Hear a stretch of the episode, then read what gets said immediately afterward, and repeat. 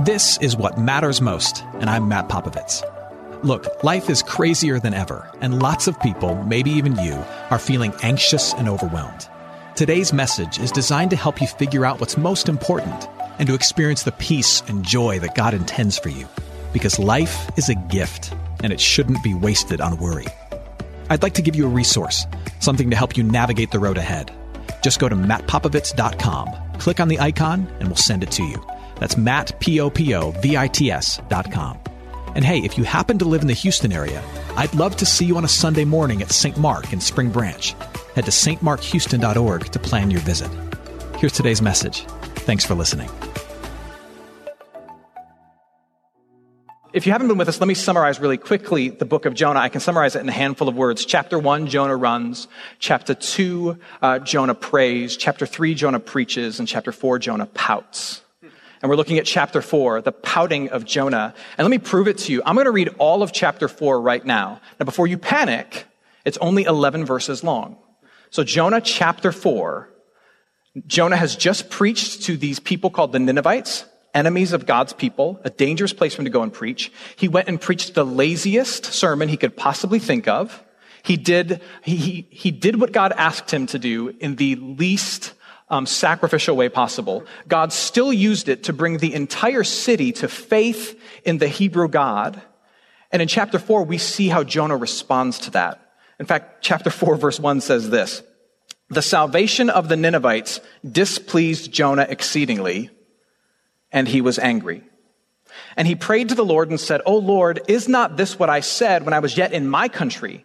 That's why I made haste to flee to Tarshish. Jonah first ran from God rather than going to Nineveh as he was commanded. For I knew that you are gracious God and merciful, slow to anger and abounding in steadfast love and relenting from disaster. In other words, I knew that if you sent me to these people that I didn't like, that you were ultimately going to save them and that was really going to piss me off. This is why I didn't want to do this. Now they're saved. Thanks for nothing, God. Therefore, now, O Lord, please take my life from me, for it's better for me to die than to live. He's such a pitiful jerk. And the Lord said, the Lord asked a rhetorical question, do you do well to be angry? In Dr. Phil speak, how's your anger working for you? Jonah went out of the city and he sat to the east of the city to pout, added by me, and made a booth for himself there. He sat under it in the shade till he should see what would become of the city. In other words, he was still holding out hope that though the Ninevites had come to faith in the Hebrew God, that the Hebrew God would still destroy them. He was holding out hope for that. Now the Lord God appointed a plant and made it come up over Jonah that it might be a shade over his head. This is God being nice to Jonah in the Middle Eastern heat to save him from his discomfort. So Jonah was exceedingly glad because of the plant. Take note here at the distinction. He's exceedingly, in verse one, he's exceedingly angry at the salvation of people, and he's exceedingly happy that God has given him shade. He's selfish. But when dawn came up the next day, God appointed a worm that attacked the plant so that the plant withered. So God's giving him something to take it away to see how Jonah responds. When the sun rose, God appointed a scorching east wind, and the sun beat down on the head of Jonah so that Jonah was faint. And Jonah asked that he might die and said, It's better for me to die than to live. But God said to Jonah, Do you do well to be angry for the plant? In other words, is your anger justified? How is this working for you? And Jonah said, Yes, I do well to be angry, angry enough to die. You can almost hear Jonah stomping his feet like a petulant child. And the Lord said, You pity the plant for which you did not labor, nor did you make it grow, which came into being in a night and perished in a night. And should not I pity Nineveh, that great city, where there are more than 120,000 persons who do not know their right hand from their left, and also much cattle. Now, God's not a big, like, fan of cattle per se, but he's saying there's a lot of wealth and things there. Should I not rescue these people and all of their resources? And then it ends. Question mark. The book is over. We talked last week about how we are called to do good things because they're good. About how God calls us to do good things because in the end it's going to bless somebody other than us and it's going to bring glory to Him. And we may never see how it benefits others and it may not directly benefit us. We do good things because they're good, not because they're going to get us good things, right? But, but I would argue to you that there, there is a way for our, our struggle and our path and our wrestling with obedience to be worth it for us in the end, in some capacity. And we do, I think, have a choice of whether or not we will learn and grow from our struggle to be obedient. Because I think every journey with obedience, like Jonah's, brings with it at the very end the opportunity for great growth. Uh, in particular, I think we have the opportunity to, to either reject or to embrace what has been revealed to us about our character in the process of trying to be obedient. Uh, whether you've tried to be obedient in work or relationship or with your finances, whatever it is that God has called you to be obedient in, that struggle to do the right thing, to do the God thing, whether you did it or not, that struggle in and of itself has revealed certain parts of your life to you, certain parts of your heart to you, certain parts of your character to you. Obedience always reveals your character, good and bad. Obedience always scratches away the surface and gives you a glimpse of your character. And, and we have the opportunity in the aftermath of our obedience to either embrace what's revealed about our character, good and bad, and learn from it, or to reject it. To embrace what's revealed about our character and move forward in our life of following Jesus, or reject it and continue in our petulant ignorance.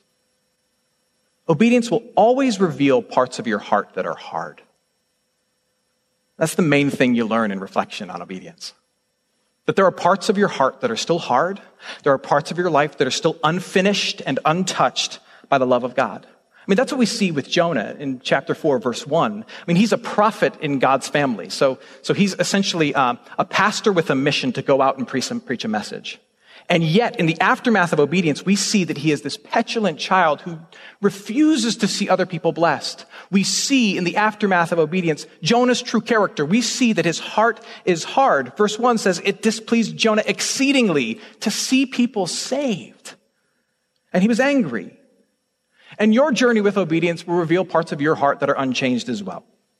One of the things that, that Christians believe is that we are simultaneously broken and beautiful. Uh, we are simultaneously saints in the eyes of God, yet sinners down to our bones. That, that when you come to faith in Jesus, if you're here as a Christian, what we believe is that when you come to faith in Jesus Christ, that, that God changes completely how he sees you. Like he chooses not to see you as you are.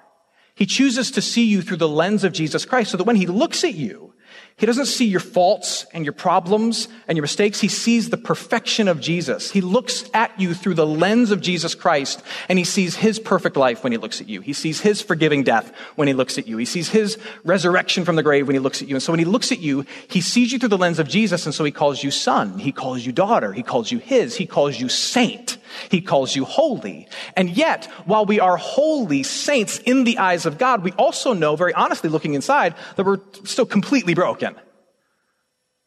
Like, like down to my core, I'm a mess, and so are you. I'm a saint in the eyes of God, but I'm a total corrupted, sin soaked, unfinished work of art down to my bones. And in my struggle with obedience, I see him rear his ugly head. I see all the parts of my heart that are still hard, though completely forgiven. The parts of my heart that are unchanged. And, we get Jonah kind of as a, as an example of this for us. Like if you look at chapter four, you'll see that, that Jonah's character is put on display in the aftermath of obedience. And we get to look at him and examine him. And we see that his heart was hardened in two particular ways. Now, these may or may not be the same for you. They may or may not relate to you, but, but God has given us Jonah to examine. And, and so maybe there's some good things for us to see here. Uh, so, so every stretch of obedience gives us an opportunity for growth Every wrestling with obedience reveals to us that our heart is hard. We have the opportunity to embrace that or reject that. And we see that Jonah's life was hardened to the goodness and the love of God in two particular ways. It's really easy to see as you look through the text. Jonah, his heart was hardened with contempt for other people. And that's put on display in chapter four. In the aftermath of obedience, upon further reflection, Jonah was a jerk towards other people. I mean, again, look at verses two through four. He prayed to the Lord and said, O Lord, is not this what I said when I was yet in my country? This is why I made haste to flee to Tarshish, for I knew that you're gracious God and merciful, slow to anger, abounding in steadfast love. Therefore now, O Lord, please take my life from me, for it's better for me to die than to live. He had so much contempt for other people that he'd rather see himself dead than other people blessed. We look at Jonah, we see he's revealed in the aftermath of obedience. He's revealed that his heart is, is hardened not just with contempt of others, his heart is also hardened by a love of comfort. And maybe this is true of us. We see that in the gift of the plant that God gives to him and in the loss of the plant. Again, look at verse 6. The Lord God appointed a plant and made it come up over Jonah that it might be shade over his head to save him from his discomfort. God is so gracious. So Jonah was exceedingly glad because of the plant. But when dawn came up the next day, God appointed a worm that attacked the plant so that it withered. When the sun rose, God appointed a scorching east wind, and the sun beat down on the head of Jonah so that he was faint. And he asked that he might die and said, It's better for me to die than to live. If we reflect on our struggle with obedience and the aftermath of obedience, I think a lot of times we will discover not only people that we are unwilling to love, but we'll discover things that we were unwilling to let go of. We will discover not only people that were difficult for us to love, that we have contempt for, but we may just find that there were things in the process that we loved a little too much. We loved more than the things of God that we were unwilling to let go of. And so, looking at Jonah as an example of our life, let's reflect. What are you unwilling to sacrifice as God has sacrificed for you? What's your plant? A gift of God that you value more than the very heart of God. What's prized? What makes you feel safe? What makes you feel whole? What makes you feel secure? What's familiar to you? What is your most favorite thing right now? You know what it is for me? You're not going to be surprised. I talk about this all the time. Um, for me, my favorite thing in the world, it's just like a general category. My favorite thing in the world is technology. Like, I, I love the fact that we live in the future. Whatever it is for you, maybe it's, maybe it's a category like technology, or it's an idea like safety, or it is an object like your money, or it is something noble like your family. Whatever it is, maybe when you reflect upon the struggle you've had with obedience about whatever the issue is for you, it's a work issue, it's a relationship issue, as you reflect on that struggle, maybe you'll find that God in that process has pressed on that thing that you loved and revealed to you that you maybe love it a little too much or a little more than Him. He's pressed on your love for it, your worship of it, as you reflect on the process of obedience to Him. Hey, friends, it's Matt. If you're listening to us in Houston and you're looking for an excellent education in a Christian setting for your student, I'm inviting you to take a tour of St. Mark Lutheran School in Spring Branch. We serve infants through eighth grade with an excellent faculty, brand new facilities, and a faith forward curriculum. To schedule your tour, head to gostmark.org. That's G O S T M A R K dot org to schedule your tour today. St. Mark Lutheran School. It's excellent education for your son, your daughter, your little one. Now, back to today's message. Now, the good news is that as we, as we look at Jonah and we look at ourselves and we realize how unfinished we are, we realize the parts of our hearts that are still hardened. We also realize in the process that God is revealed for who he is. As we reflect on our obedience, we see that we're revealed for who we are, but God is also revealed for who he is. And God is not hardened with contempt he is not hardened with comfort. He has no hardness in his heart at all. If we look at God as he's revealed, we see that his heart is gracious. And we see that throughout the book of Jonah, but we see it in particular in chapter 4. Obedience reveals that God's heart is gracious. Uh, look at verse 9. God asks that first rhetorical question. He says, Do you do well to be angry for the plant? And Jonah said, Yes, I do well to be angry, angry enough to die. Now, at first, this question may sound confusing, but here's just a little help as you study the scriptures. Uh, one of the things you need to keep in mind as you study the Bible is that when God asks a question, he's not asking for his own edification. Because by definition, he's God. He doesn't need to know the answer. God knows the answer. When God asks a question, he's asking for the benefit of the person he asks. He's asking for the benefit of the hearer. It's like when your mom would walk up to you when you were 13 and say, What is this? Tell me what this is.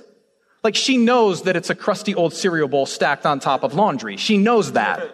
Like she's not dumb. She sees what that is, but she comes up to you and says, what is this? So that you might see what it is. And you, in her asking, might realize, oh my gosh, that was horrible for me to just leave that there. I should have like taken care of that.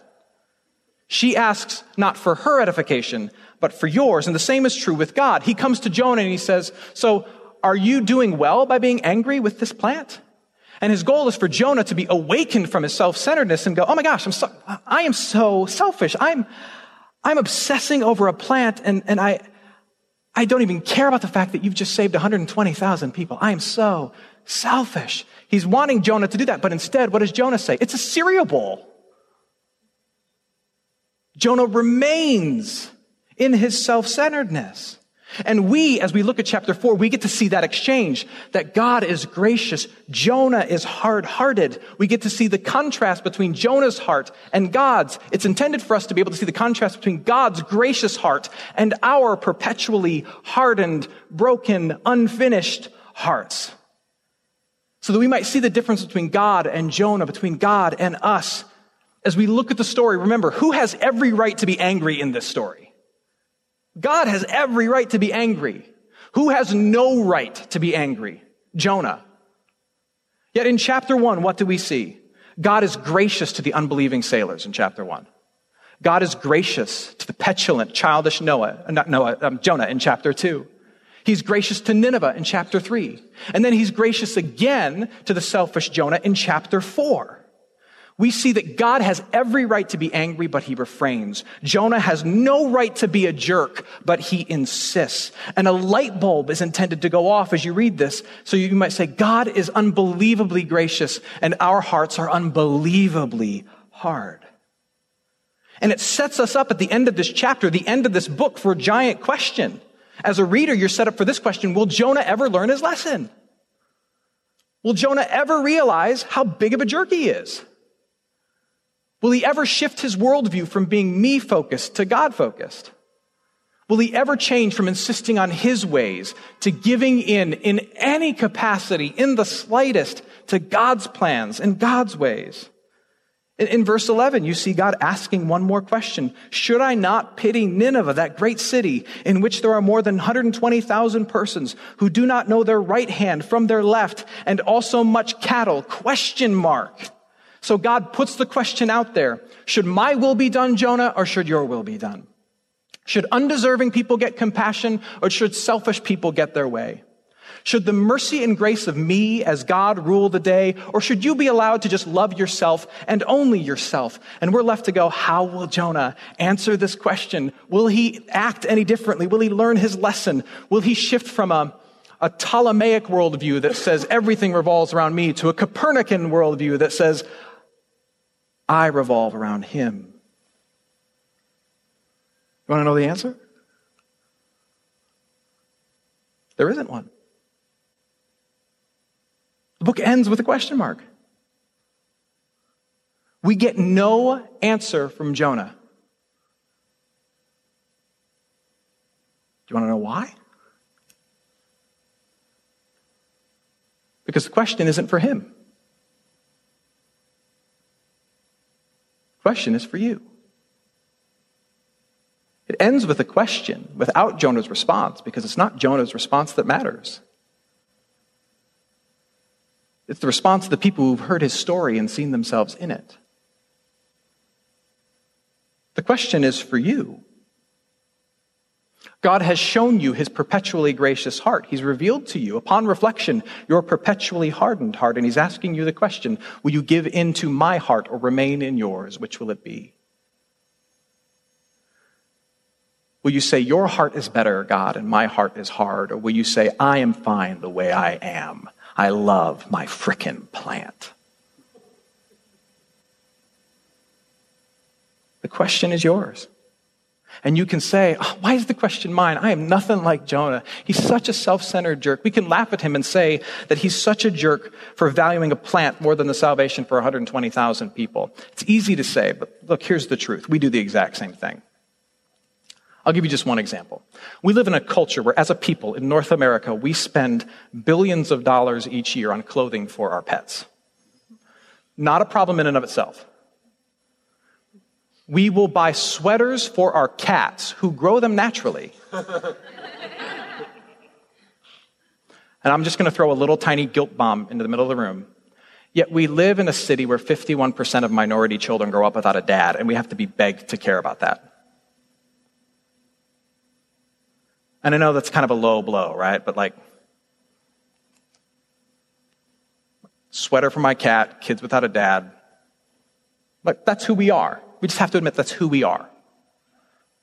We are no different. We are the same people as Jonah. And so the question comes to us our heart or his? We look at what's revealed about ourselves in the aftermath of obedience. We are hard hearted people. God is continually gracious. Will we learn from it? And I'll be very honest with you. As you reflect on that question, will I learn from this? Will I embrace God's heart or will I remain in mine? The question tends to be, myself included, I will stay the same. The answer tends to be no, I will not change.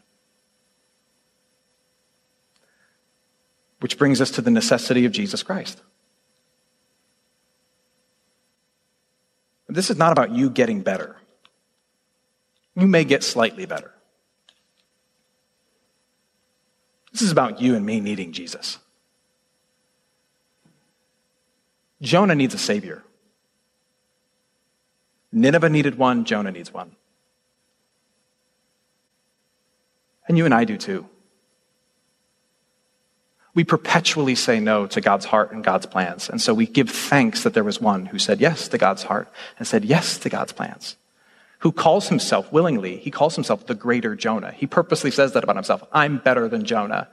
Think about, so Jesus says this in Luke chapter 11, verse 32. He says, Behold, something greater than Jonah is here. Here's what he means by that.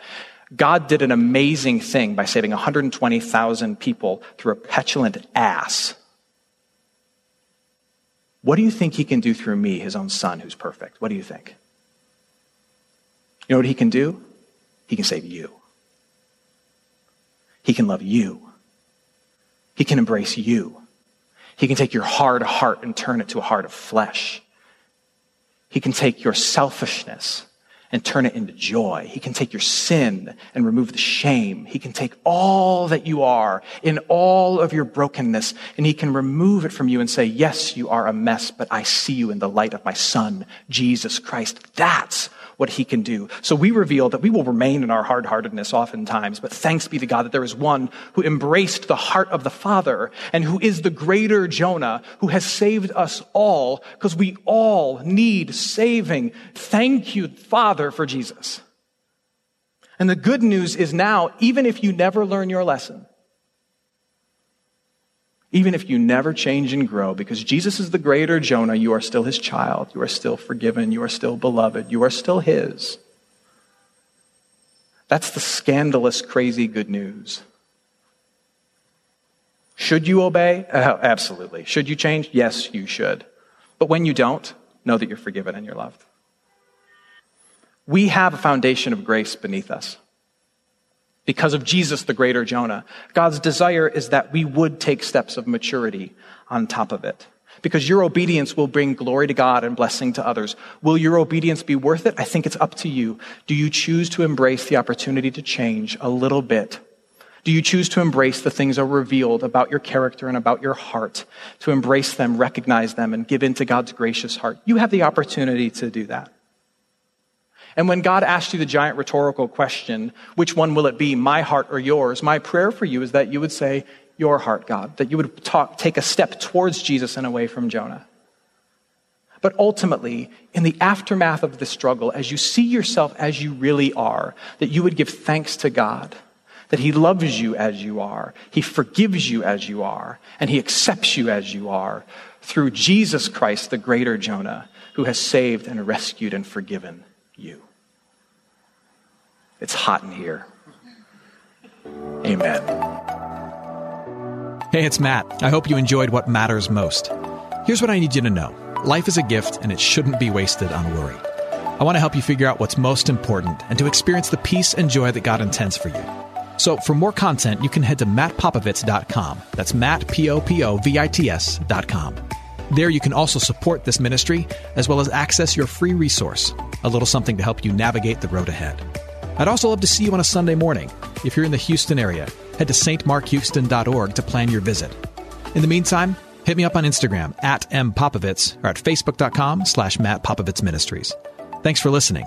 Now go and hold tight to what matters most.